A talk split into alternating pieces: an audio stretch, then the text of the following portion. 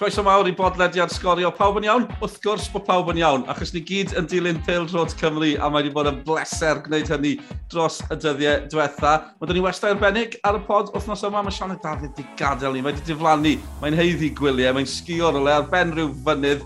Felly, mae gŵr arall sy'n hoffi mynd i ben y mynyddoedd ddim gyda par o sgis, sa'n credu. Owain Tudur Jones gyda ni. Croeso at yr Ios.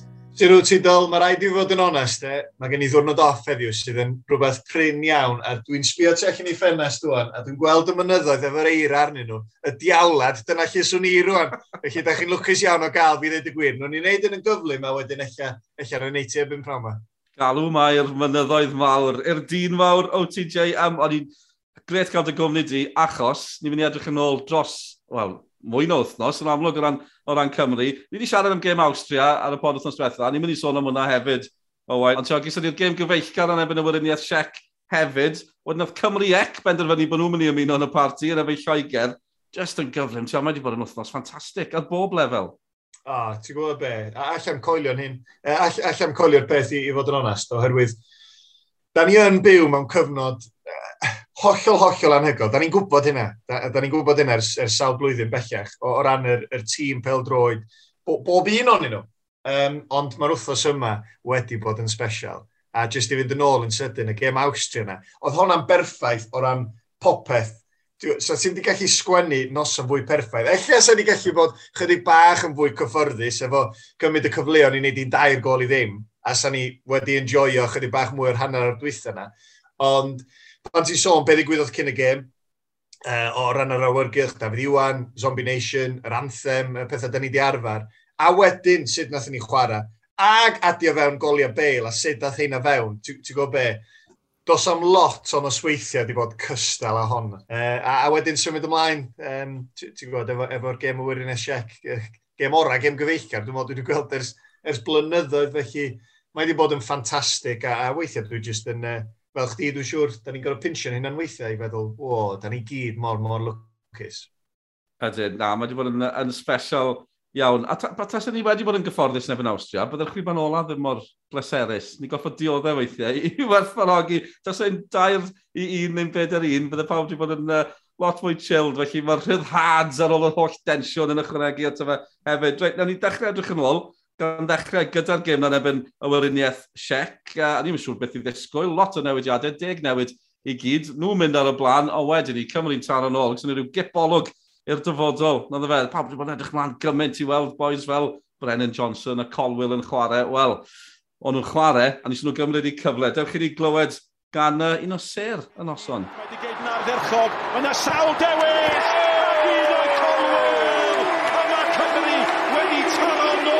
syth a mae Ruben Colwell di sgorio dros i wlad am y tro cynta a dyna ni gip ar y dyfodol.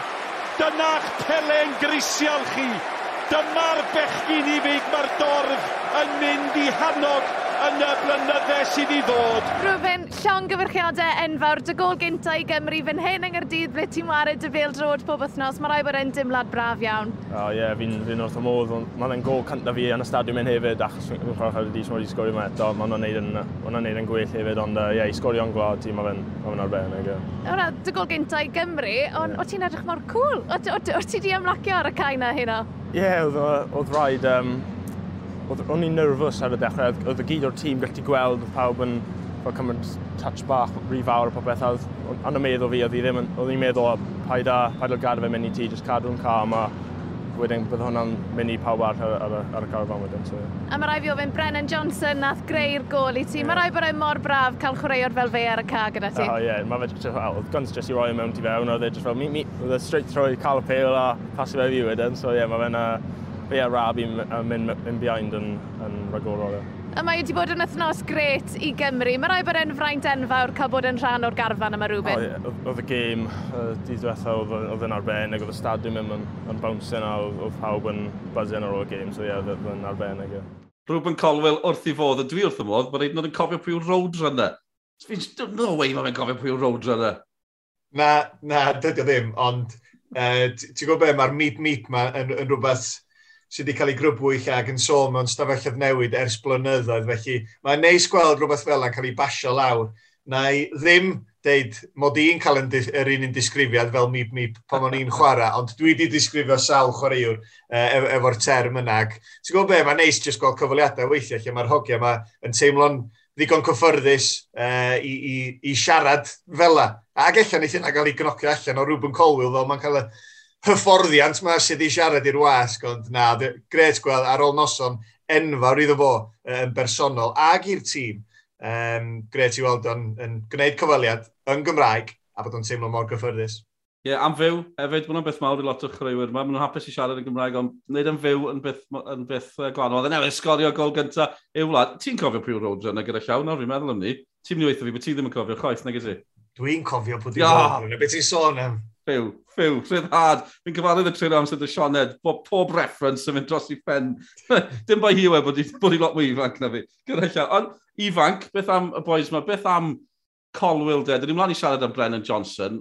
Chad, be, be neud i o fe o'i potensial fel chwaraewr o'r hyn ti wedi gweld gyda'i glwb hefyd? Ie, yeah, just, so, beth ti'n meddwl o Colwell?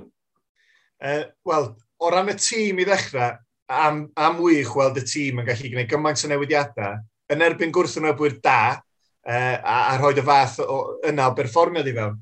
Ruben Colwell, y chwaraewr, dwi'm yn siŵr lle mae'n mynd i ffitio yn y tymor hir, be fydd i safle gorau fo, ond be da ni'n wybod, ac mae o yn ddibrofiad iawn, chydig dros 30 o, o e, weithio wedi ymddangos i Gerdydd a Cion Llaw Gapau dros, dros i wlad erbyn hyn.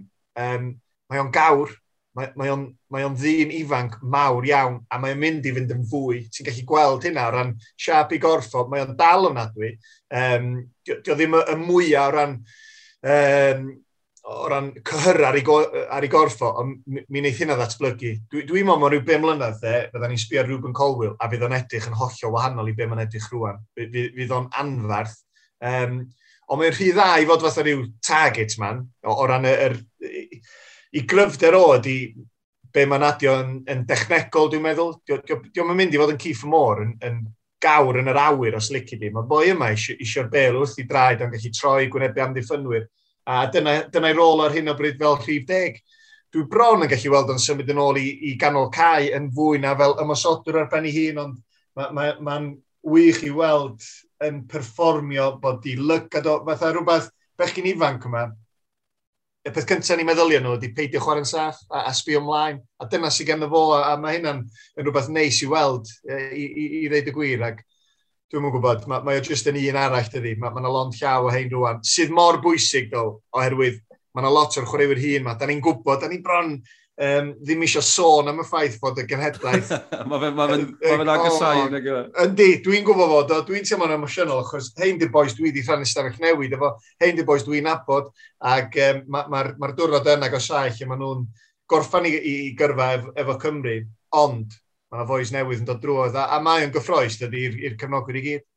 Ydy, ydy. A ti'n just put rola am, am Colwell, os ti'n gweud falle bydd yn tyfu yn fwy, fi, dwi ddim eisiau mynd dros fe'n llestri a cymharu fe a tiod, Haaland, fel Erling Haaland, ond tiod, chi wedi gofyn ifanc yn tyfu yn sydyn, yn troi mewn i ryw fwystfil ar y cae, tiod, da colwyl, ah, eto, fi yn mynd dros ben llestri pan fi'n gweud hyn, os da ni'n arall, os da ni rhywun fel ar yn dwylo fan hyn?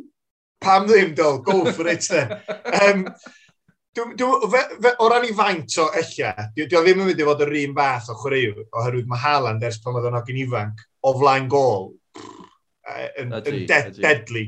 Ond yeah. mae Colwell di dangos yn barod, a beth sy'n braf ydy, mae di dangos mewn gemma lle, dydy gem gyfeillgar ddim y gem fwyaf, ond o ran, yr, o ran y llwyfan, ar ôl beth ddigwyddodd yn ebyn Austria, wedyn fynd i fewn i gem gyfeillgar lle mae, mae noson fawr am, am wahanol resymau, a noson fawr iddo fo, a mae'n sgorio. Uh, mae di sgorio'n Anfield i Gerdydd yn barod tymor yma. So ti'n ti just sbio, oce, okay, mae di sgorio ambell i gol, ond ddim, ddim yn gwpan yr FA yn erbyn tîm sydd sy ddim yn y gyngrair. Mae di chwarae yn Anfield a sgorio, mae di chwarae i Gymru, mae di sgorio'n barod. Yn, felly ti'n meddwl, oce, okay, ydy hwn yn mynd i fod yn fwy sydd yn gallu delio efo'r nosweithiau mwyaf Ac eto, dwi'n mynd dros ben llestri rwan. Ond, ond dyna da ni angen, dyna fydda ni angen pan mae Bale yn, yn, yn, yn penderfynu ymddeol, a, a Ramsey, gobeithio fi na chydig o flynyddoedd yn, yn hirach efo Ramsey, ond cryfder y boes yna, a pa mor bwysig ydyn nhw i ni ydy yn y foment fawr, nhw ydy'r boes sydd yn gallu creu neu sgorio. A gobeithio fo Colwell bod gan i ni un o hein ar y ffordd. Neu ni drafod y gŵr, nath roi'r bas o fe, ar ôl i ni glywed, gan y gŵr yna, Brennan Johnson. What a performance. You know, your manager, Rob Page, was saying, you know, he'll be, play, you'll be playing this game tonight with that June squad in mind, and yeah. you've definitely given him some, some tough decisions to make. Uh, yeah, I think that's the goal for all the boys who are playing tonight, I think. It was a good run out for us, and we just wanted to show what we can all do, and I think we did that okay tonight. Ruben Colwell got his first international goal. You got the assist. I have to say, you two were a joy to watch this evening. Yeah, I mean, I was buzzing for him to get the goal, and yeah, I think we, we work well together. I mean, in training, we're often together, obviously, not in the starting 11, but we do work quite well together, and I think it showed tonight. Uh, we had a real good connection, and I think it was good for the goal as well. Brennan, it's been such a great week for Wales. Give us, you know, an idea. What's it been like to be a part of this squad over the last week or so? Yeah, it's an honour. I mean, coming in away with Wales every time is a real honour for me, but this squad in particular has been been really special. I mean, the result on Thursday and the performance tonight from some of the boys, it just shows how good the the whole character the squad is and how close everyone is. And it shows as well. Wales have got a very bright future, haven't they, in terms of the young talent? Yeah, I think so, definitely. Um, there's a lot of young boys, especially even more coming through, and there's a real young squad coming in, especially with the old older players as well. It's a really good uh, mixture. Well, Brennan, thank you very much for your time. Diolch. Thank you, cheers. Wel, dyna chi un arall o'r ser ifanc yma, Brennan Johnson, a o, oh, ni wedi bod yn edrych mlaen i weld hwn yn chwarae i Gymru. Chi'n cael cip olwg ohono fe i Forest, mae cynogwr nhw'n caru fe. I'r fath raddau, oedd rhywun di ychwanegu'r Wikipedia ar ei enw fe, enw canol, goat. A nath sylwebu ddim gorsaf radio, na ddim enw fe, meddwl mae'n abeth enw canol ag o iawn. Wrth iddo fe ddod i'r cae, o fe'n gweud, here he comes, did you know his middle name's Goat? Gwych. Ni chi fynd dros mewn llestri am hwn hefyd, fel Ruben Colwell? Yndan, a da ni'n mynd i, a pam ddim. Um, Mae'n di chwarae dros Gymru o blaen, ond dwi'n meddwl gan, bod y cyfnod ers y gema dwytha yma wedi bod mor hir, mae be mae wedi wneud yn y, yn, y, yn y cyfnod yna wedi bod yn eitha special. A, a dyna pam da ni'n exeitio oherwydd sôn yn sylwebaeth nos yn o blaen. Dwi'n meddwl hwn ydy'r nesau i gamu fewn i'r tîm. Os, os, os ni, os ti'n sôn am yr 11 na ddechrau neu byn Awstria, a bod chdi'n gorau gwneud newid a ti'n sbio reit pwys ar y fainc, Johnson ydy'r nesau i fewn. Ac um, mae mae o'n chwaraewr cyffroes iawn mae'r cam nesaf mynd i fod yn ddifur, ydy o'n aros efo Forrest, a dwi'n meddwl oedd aros yna am, am tymor yma yn bwysig, oherwydd allu di frysio y symudiad nesaf yna, a ti'n misio i weld o'n mynd i glwb yn yr uwch gyngred, pwy bynnag ydy'r clwb, a mi wneith o symud um, un diwrnod, os mae'n mynd yn rhy gynnar, allu di weld i yrfa fo wedyn, just yn, just yn arafu. Ie, yeah, ac allai clwb, a'r clwb anghywir, allai chi fynd i glwb sy'n fi'n disgyn hefyd, am hynny hefyd, os chi'n mynd yn Ionawr wel, y balans ydy dde, allai di fynd a maen nhw'n mynd i syrthio, neu allai di fynd at glwb sydd bron rhy fawr iddo fo rwan, a di o ddim yn chwarae o gwbl. Felly, ei, allai ddim gwneud dim byd am hynna, oherwydd dwi'n siŵr fydd o'n symud ac does na neb yn gwybod sut mae hynna'n mynd i fynd tan da ni'n weld efo, efo'n llygyd ni. Ond mae hwn yn chwaraewr talentog iawn.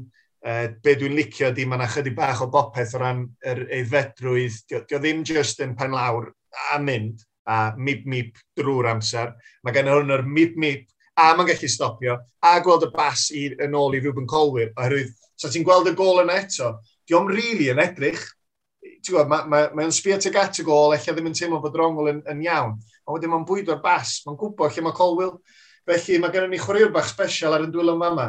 Eto, da ni ddim yn mynd i fynd dros Benllestri yn, yn y frawddeg nesaf, oherwydd be dydi o ddim, be dydi Colwyl ddim, um, dyn nhw ddim yn Gareth Bale. Fi na neb yn Gareth Bale, felly mae rhaid i ni gadw traed ar y dde chydig bach. Ond be da ni angen ydy gymaint o chwaraewyr da, efallai beth yn world class, ond chwaraewyr da iawn, a mae o'n un o heina, ac allan disgwyl i weld sut mae gyrfa uh, dyn ifanc yma'n datblygu, a mae hwn yn mynd i, mae hwn yn mynd i sgorio lot o goliad dros Gymru, dwi'n meddwl. Ie, yeah, ni yn edrych mlaen. Niswn ni fwynhau mas draw. Ni dal yn fwynhau edrych nôl, a ddim braf cael bod na hefyd, achos oedd hi'n achlysur i'r, ir gol geidwad Wayne Hennessy. Gan ni drafod Mr Hennessy. Mae Hennessy'n rhan o'n hanes, fi'n credu, fydd Nick Parry. Ni wedi bod yn meddwl am bethau, beth sy'n odli gyda Hennessy. A beth yw'r pwynt pan mae Nick Parry'n sylwebu? Mae'n mynd i chwalu yn rhyw frawddeg. Chi'n meddwl amdanyn nhw. Cant o gapiau iddo fe, noson emosiynol hefyd yn amlwg i'r golgeidwad. Wayne, huge congratulations, your 100th cap for Wales. What a night for you. Just, just what does it mean for you personally? No, it's a very special moment. Um, I was very touched, obviously. I had a lovely round of applause from the fans as well, which is special. every every single player waiting for me at the side, and, and Gareth was waiting for me as well. And but also there was a special moment inside the dressing room. Obviously, you guys don't get to see that, and all the lads clapping me and, and saying, yeah, special moment.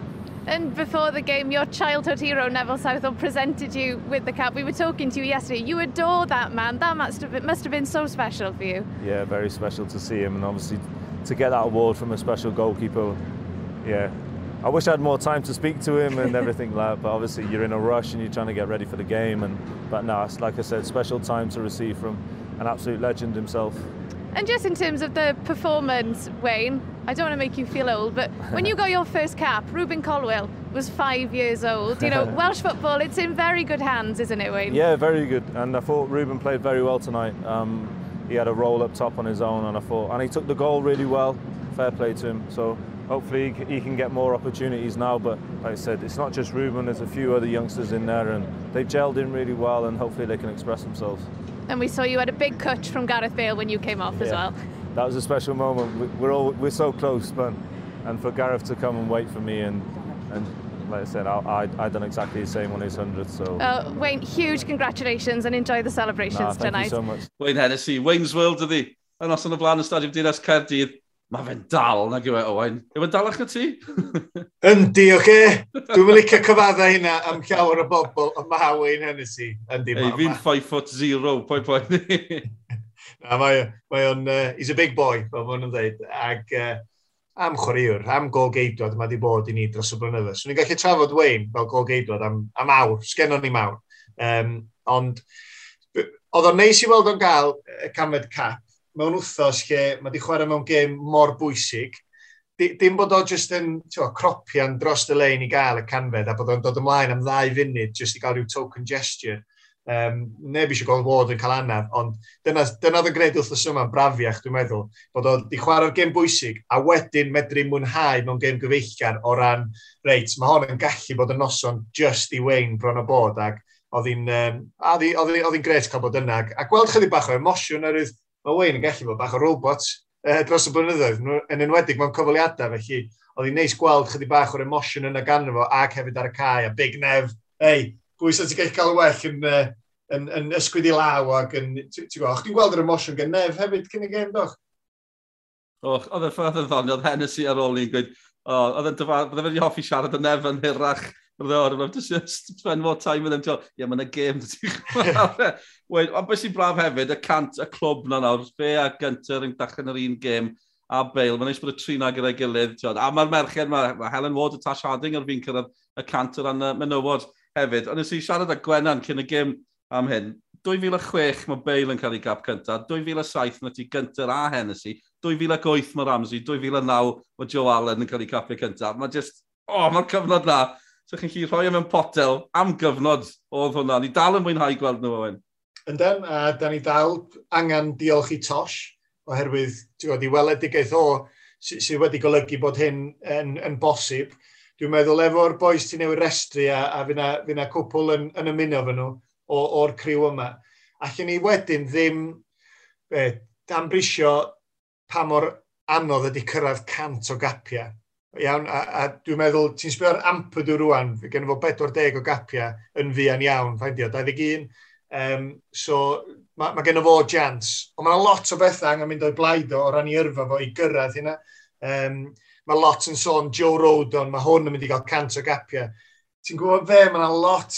Hyd yn oed Ben Davies, sy'n ar bed, 70 o, o yeah, gwmpas hynna. Ie, mae'n wedyn, mae'n gysio, mae'n dipyn o fwlch rhwng y rhai nesaf, un o'r Ramsey ar un o'n fi'n gwybod, mae'n o fiadau, yeah. taro fe a Joe mae angen i ben gael chydig bach o look i gyrraedd y cant. Da ni'n ni meddwl, mi neitho, da, da ni'n siŵr, ond ei, di, di ddim yn hawdd, dydy ddim yn hawdd. A dwi'n meddwl mae diwedd cyrraedd hynna i Gunter, i Hennessy, fes Ashley Williams bendant, di'n meddwl bod o'n mynd i gyrraedd cant.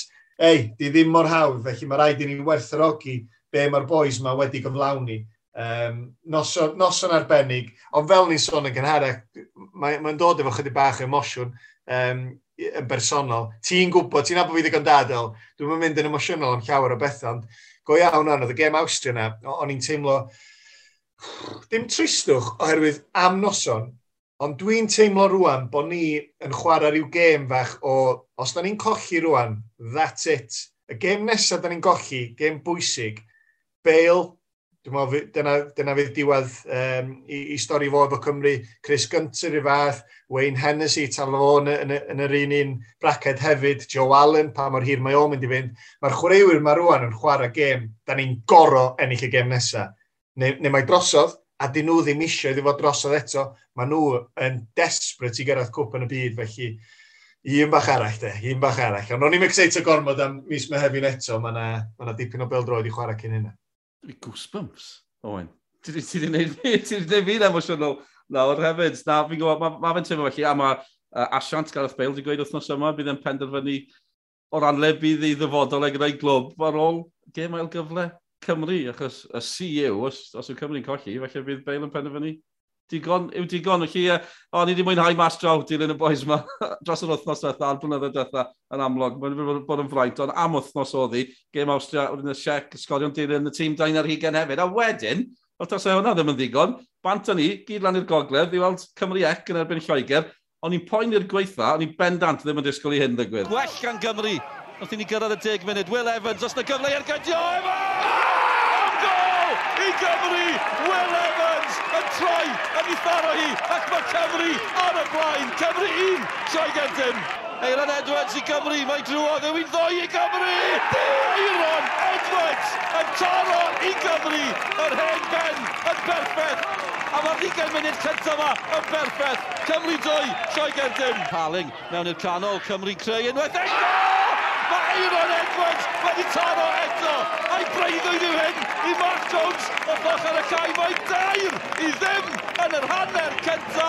Aaron Edwards yn cael yr ail am noson i Gymru. O, Will Evans eto yn mentro. Mae'n bobl bach!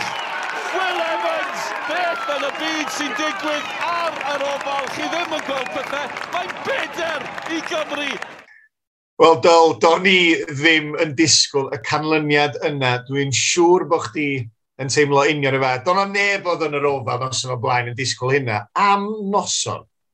Ie, yeah, a, a ti wedi bod yn rhan o'r tîm y ffordd yn y ddwy gêm ddwetha. Y ddwy gêm ddwetha yn rhaid da. Mae'n yna fwlch wedi bod yn amlwg colli yn y bari. Oedd hi'n gêm wych tair i ddwy. Y gêm gyfartal yn Salford wedyn ni, dwy gol yr un.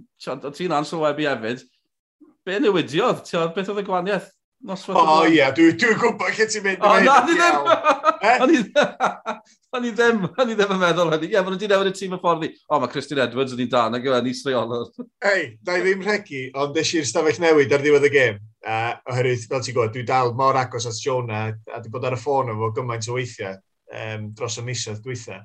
Ac eis, peth gyntaf nes i o mynd at Christian Edwards a dweud, nice one Christian, thanks for making me look like a... A nes i adio rhyw air. Um, Ond, waw, llon golchiadau iddyn nhw. Um, dwi'n meddwl, o ran y perfformiad, oedd o'n rhywbeth tebyg i y gêm na'n y Barry a gêm yn Salford. O, o ran cryfder Jonah ydy cael y gorau yn y chwaraewyr, man management, oedden nhw jyst yn barod, o'ch chi'n gweld hynna. A troma, oherwydd ella'r cae, oherwydd yr ymoda, oherwydd y newidiadau oedd wedi bod yng Ngharfan Lloegr yn, yn arwain at y gêm, does am dwywaith bod hynna wedi cael effaith uh, ar, ar eu tîm nhw. Doedden nhw ddim yn barod amdani o gwbl. Ac oedd yn hogiau ni, ar ôl 5 munud bach nerfus, 5 munud cyntaf, dwi'n meddwl, ww, beth sy'n mynd i ddigwydd yn fama, um, unwaith gathen nhw'r gol gyntaf. Ti'n gwybod be, ennill o bedair gol i ddim, oedden nhw'n heiddi ennill o'r sgôr yna. Ac dwi wedi clywed rhywbeth bach neithiwr, Jonas ydi deithio ni, so ti'n gwybod fel mae o, allai bod o'n greu pethau fyny. Oedd o wedi clywed, eich tro cyntaf, ar unrhyw lefel, bod Cymru wedi curo Lloegr o bedair gol. Felly, gyd i'n eich bach o waith cartra ar ôl y pod, mae'n os mae hynna'n wir, ond os mae hynna'n wir neu beidio, special. Ie, yeah, a thrwy'n rhoi rhywbeth lan ar uh, gyfannu cymdeithasol am hyn, yn holi'r un cwestiwn, yn amlwg y pedair gol i un na, yr un enwog yn 81, ond oedd lot o bobl yn credu falle mai, uh, o, o, ennill o, o'n disgorio pedair yn efo, ond ennill o bedair gol. Um, lot o'n i drafod, dewch i ni glywed gan uh, y rheolwr yn gyntaf, Um, a dim lot o fe ddweud am unwaith, oedd y dan deimlad yn credu Mark Jones. Well, Mark, what, what can I say? Congratulations. beyond your wildest dreams? Yeah, thank you very much, Bryn. It is beyond our wildest dream, but what an effort. What an effort from a set of players who gave us everything they had. They were absolutely fantastic. It was a, a, a shaky start, possibly, but once that first goal went in, wow. Yeah, they, they were all great goals as well. I mean, Will Evans was razor sharp. Kane McLagan, I don't don't know whether I've seen a striker work as hard as that in a long time. The midfielders won their battles. Emlyn Lewis was a tower of strength. Every one of them. I don't want to mention individual names. Every one of them were fantastic. Prior to tonight, never beaten England at this level. You've done it as the manager. Yeah, I've done it as a manager. It's not about me, Bryn. It's about a set of players. They were absolutely fantastic. Mark Jones fan yna yn reolwr, Cymru ec yn gydweithiwr ac yn gyfaill hefyd Owain, o'n i mor hapus iddo fe hefyd, achos ti'n gwybod mwy na fi gymaint o waith mae fe wedi rhoi mewn. A gymaint mae fe'n golygu iddo fe, fi'n credu dath hwnna drosodd yn y perfformiad, mae'n siŵr, tiad, mae pobl yn, mae rhai sydd ddim yn abod, ydy, oedd o ddiastyriau fel bach o, bach o joker ac ati, ond mae chreuwyr yn caru e. Ni wedi gweld ni yn y gemau yma gyda Cymru Ec. Nath y daro fi'n y bari yn y gem gyntaf chreu chi. Just gymaint mae chreuwyr yn hoffi chwarae ddo fe. Mae rhaid bod hwnna'n gwneud gymaint o waniaeth. Ie, yeah, cael ei ddiastyru, hyd yn oed gen bobl Tywed, os da ni'n gweithio efo ar sgorio bethau, ti'n yn gweld y Jonah, mae'r ma, ma Mark Jones sydd yn ystafell newid, neu o gwmpas y gwesti, neu ar y maes ymarfer, mae'n berson gwahanol i be da ni'n weld eh, pan, pan mae'n dod i fewn fel sylwebydd. Dyna lle mae o fwyaf cyffyrddus. Dyna lle mae o ar i ora. Ac oh, mae'r ma, canlyniad yma'n golygu gymaint iddo fo. Tio, da, ni, da ni ddim jyst yn taflu rhyw clichés am hyn a'r llall yma yma. Mae ma, ma, ma golygu bob dim i, i Jonah, i gael y fuddigoliaeth yna. Uh, felly dwi fatha chdi mor mor hapus dros fo, gwaith calad mae di roed i fewn, um, faint mae'r chwaraewyr yn, yn, yn ei garu fo. Felly, gwych iddo fo... Mae di bod yn meddwl am y garfan ys ti'n chwe mis. Yndi. Wel, ers dwy flynedd, ers y gêm oedd i fod yn yr ofel cyn y pandemig, wir, sef oedd i fod yn sbio, sef oedd i fod yn checio yn ystod y cyfnod clo pwy oedd yn gwneud ymarfer a hyn o'r llall, felly mae o yn golygu gymaint a hynna iddo fo, a mae o mewn swydd fanna fel rheolwr Cymru Ec. So mae'n un gêm bob tymor ar hyn o bryd, oherwydd yn ariannol, di, di just, wel, ddim bod i ddim yn bosib, ond dydy arian ddim yn cael ei fuddsoddi at hynna. So ni wrth yn bodd cael mwy o gemau. So yna lot o reolwyr eraill yn licio'r swydd yna. Um, so yna lot o reolwyr sydd yn yr uwch gyngrair uh, yng Nghymru, uh, lot o falle sydd allan o swydd, Bet bod nhw'n sbio'r Mark Jones fel, o, sut mae hwn yn rheolwr a, a dros Gymru ar y lefel yma? Wel, mae wedi profi, yn y dair gêm mae rhaid i fi ddeud o ran y perfformiadau, colli gynta a mwcus, y gêm, gyfeill, uh, gêm gyfartal na yn, yn Salford, a wedyn honna nos yn o blaen, wel, come on, de. Ac wrth gwrs, mewn gêm fel yma, be da ni'n wybod ydy mae yna lot o scouts yna. Ac mae hynna'n rhywbeth da ni'n mi oedden ni'n falch ohono fo. Rawlinson uh, yn cael cyfle i, i chwarae ar y lefel proffesiynol ar ôl bod yn gapten yn y gêm gyntaf. A dyna pam gath o'r cyfle, oedden ni'n gwybod y trafodaethau yn digwydd. Eh, Llwyth yn Salford, yn gyda'r gym gwartal na. Llwyth. Llwyth. A fel ti'n sôn, efallai Wylio Lloegr, ond Adam Rosgrove gath o gyfle o'r gym yna. Gath yn gweith gweithio allan iddo fo'n AFC Wimbledon, ond gath o'r cyfle felly. So ni'n syni os na, os na os na gyfle i rywun arall ar ôl y gêm nos yn o blaen. Um, oherwydd mae'n ambell un. Dos am, ti'n sbio ar un ar ddeg na ddechrau Gymru, dos am neb yn ifanc ifanc, ond ti'n gwybod beth dyddi yma, er bod y gyngrau dros y blynyddoedd wedi bod yn chydig bach o out of sight, out of mind, ac unwaith ti yn y gyngrau yng Nghymru, mae'n anodd iawn cael dyn allan ohoni, ond mae yna enghreifftiau yn ddiweddar bod hynna'n gallu newid, ac sbi ar y tîm yna rwan, de, sa Emlyn Lewis yn gallu chwarae lefel broffesiynol, eich sa fo'n heiddi cyfle, Um, Danny Davis, bendant, sef o'n gallu ffitio fewn yn rwla. Dion Donahue, am berfformiad iddo fo, cool as a cucumber. Um, sa fo'n gallu camu nôl i fewn i'r game professional, dim problem. Swn i syni sen ddim yn digwydd. Um, a wedyn, ti'n sbio wedyn yn uwch i fyny'r cae, Will Evans. A dim sydd ddim eisiau egni ag, ag boi sydd yn gallu rhoi amddiffynwyr o dan gymaint sy'n o bwysau. Na i ddim cario ymlaen i fi ddim podcast boring, ond be dwi'n dweud ydy mae yna ma gyfle yn fanna i rywun os, os maen nhw'n cael y cyfle de. Ie, yeah, fi wrth y modd a Mael Davies, un, un o hoff chrwywyr fi yn y gyngren. Mae wedi torri bigwrn yn anffodus. Nes i uh, dan danfon neges yn ei longyfarch e mae wedi torri bigod, mae'r tymor ar ben, a dweud, e gobeithio bod nôl ar gyfer Ewrop, sy'n dangos eich elgais, achos, ti'n siarad, mae fe'n, na beth yn pen y bont eisiau nawr, cyrraedd Ewrop, felly, ie, na'r unig nodyn, falle, siomedig o ran y gêm, bod uh, Mael wedi cael anaf bach cas, ond yr angen dewis ser yn y gêm hefyd, Malcolm Allen sy'n cael y, y swydd yna bob wythnos, nath e dorri tir newydd, nos yn y blaen, oedd e methu penderfynu, nath e ddewis dau seren, dau ser, dwy seren, dwi wedi drysu yn llwyr Marks ddim wedi drysu. Nath e ddewis y sgorwyr. Dyma nhw, Aaron Edwards a Will Evans. Aaron, mae'n oer, mae'n dechrau bwrw eira, ond di o ddim bwys o gwbl am gêm, am ganlyniad. Na, ti'n da ni wedi treino yn uh, trwy'r wythnos a ti'n bod bod yn wych, mae'r hogiad i am gelio'n andros o dda. Ti'n llawn heddi'r um, result heno. Ond ta, cyn y gol gynta, mi oedden nhw weld chydig bach o well tîm, ond unwaith ath gol gynta Will i fewn, dyna ddim troi nôl. Na, well, maen nhw'n tîm dad yn efo chwaraewyr da, ond um, pen nath ni cael, ti'n bod, dim bach o spel ar y bel, ti'n bod, nath ni dangos beth da ni gallu neud, a ti'n bod, um, nath ni llawn enjoyo. Well, it's always been a pleasure to interview you after you scored for Bala. It's yeah. a double pleasure now. Many, many congratulations. Yeah, thank you very much. Um, it's quite funny, actually. I said to, to Alex, um, imagine if we go and uh, win today, and imagine if I go and bag a couple. And we were just laughing about it, joking, but no, it's um, yeah, really special, really special night. I mean, it's the first time I've come to the camp, uh, obviously with it being cancelled over COVID, and you know, we've bonded from minute one. And like, like the boys have said all, all along, it's been rivalries in the league, and we've gelled so well together this week, and well, that's shown this evening. Wel, dyna ni, boys Cymru ec uh, A plus iddyn nhw, tas nhw'n mynd trwy aroliad yn yr ysgol, dwi'n credu, a Serenog, efo'n afell chi'n gweud, mae'n spel ys i fi adael uh, ysgol. Fe sy'n braf hefyd, Owen. Tiod, momentum, ni'n offi'r gair na. Mae gymaint o gemed yn ni dros yr wythnos nesaf yn uwch Cyngor Cymru JD. Mae'r cynnyniad na mynd i helpu pethau o ran y gêm yn domestig hefyd. Mae yna gêm ail gyfle i gyrraedd cwpan y byd ar y gorwel. Mae, mae hyn jyst yn mynd i barhau dros yr wythnos nesaf o ran Pildrod Cymru. O, oh, mae'n poethu dy ddim gen Uh, tîm y merched gema pwysig yn dod i fyny hefyd. Um, mae ma jyst yn teimlo bod bob lefel, mae'n mae yna deimlad cyffroes. Ac so, dwi'n gwennu fama jyst yn meddwl am y posibiliadau o beth sydd i ddod, weddill blwyddyn yma, blynyddoedd nesau i ddod. Pwy fysa wedi dychmygu hyn rhyw ddegawd yn ôl? Dim fi. Felly, ei, enjoywch hyn. Da ni'n gwybod os mae'n mynd i bara, da ni'n gobeithio fydd o, ond pwy a wyr. Felly, make the most of it a mwynhau, de. Dyna ni'n neud. Diolch am y cwmni. Dwi problem sydd fi nawr, ar diwedd pob podlediad, mae Sean y Dafydd yn gweithio ni, be ni fod wneud o ran prografol ar y podlediadau, ble i gael nhw, a dwi'n Sean Sioned dyma, a fi byth yn gwrando. Felly dwi'n syniad y fi. Ti'n gwybod sut chi'n cael gafel ar y pethau yma? A dyla mae hyn yn syml, jyst tan ysgrifiwch o lle bynnag da chi'n cael eich podlediadau de. Gwych, gwnewch hynny, dilynwch sgorio, gymaint o gemed ar ni dros yr wythnosau nesaf, bob pen wythnos, ganol wythnos hefyd, llwyth mlaen dyn ni. Ond am y tro, hwyl fawr i chi, ta-ra!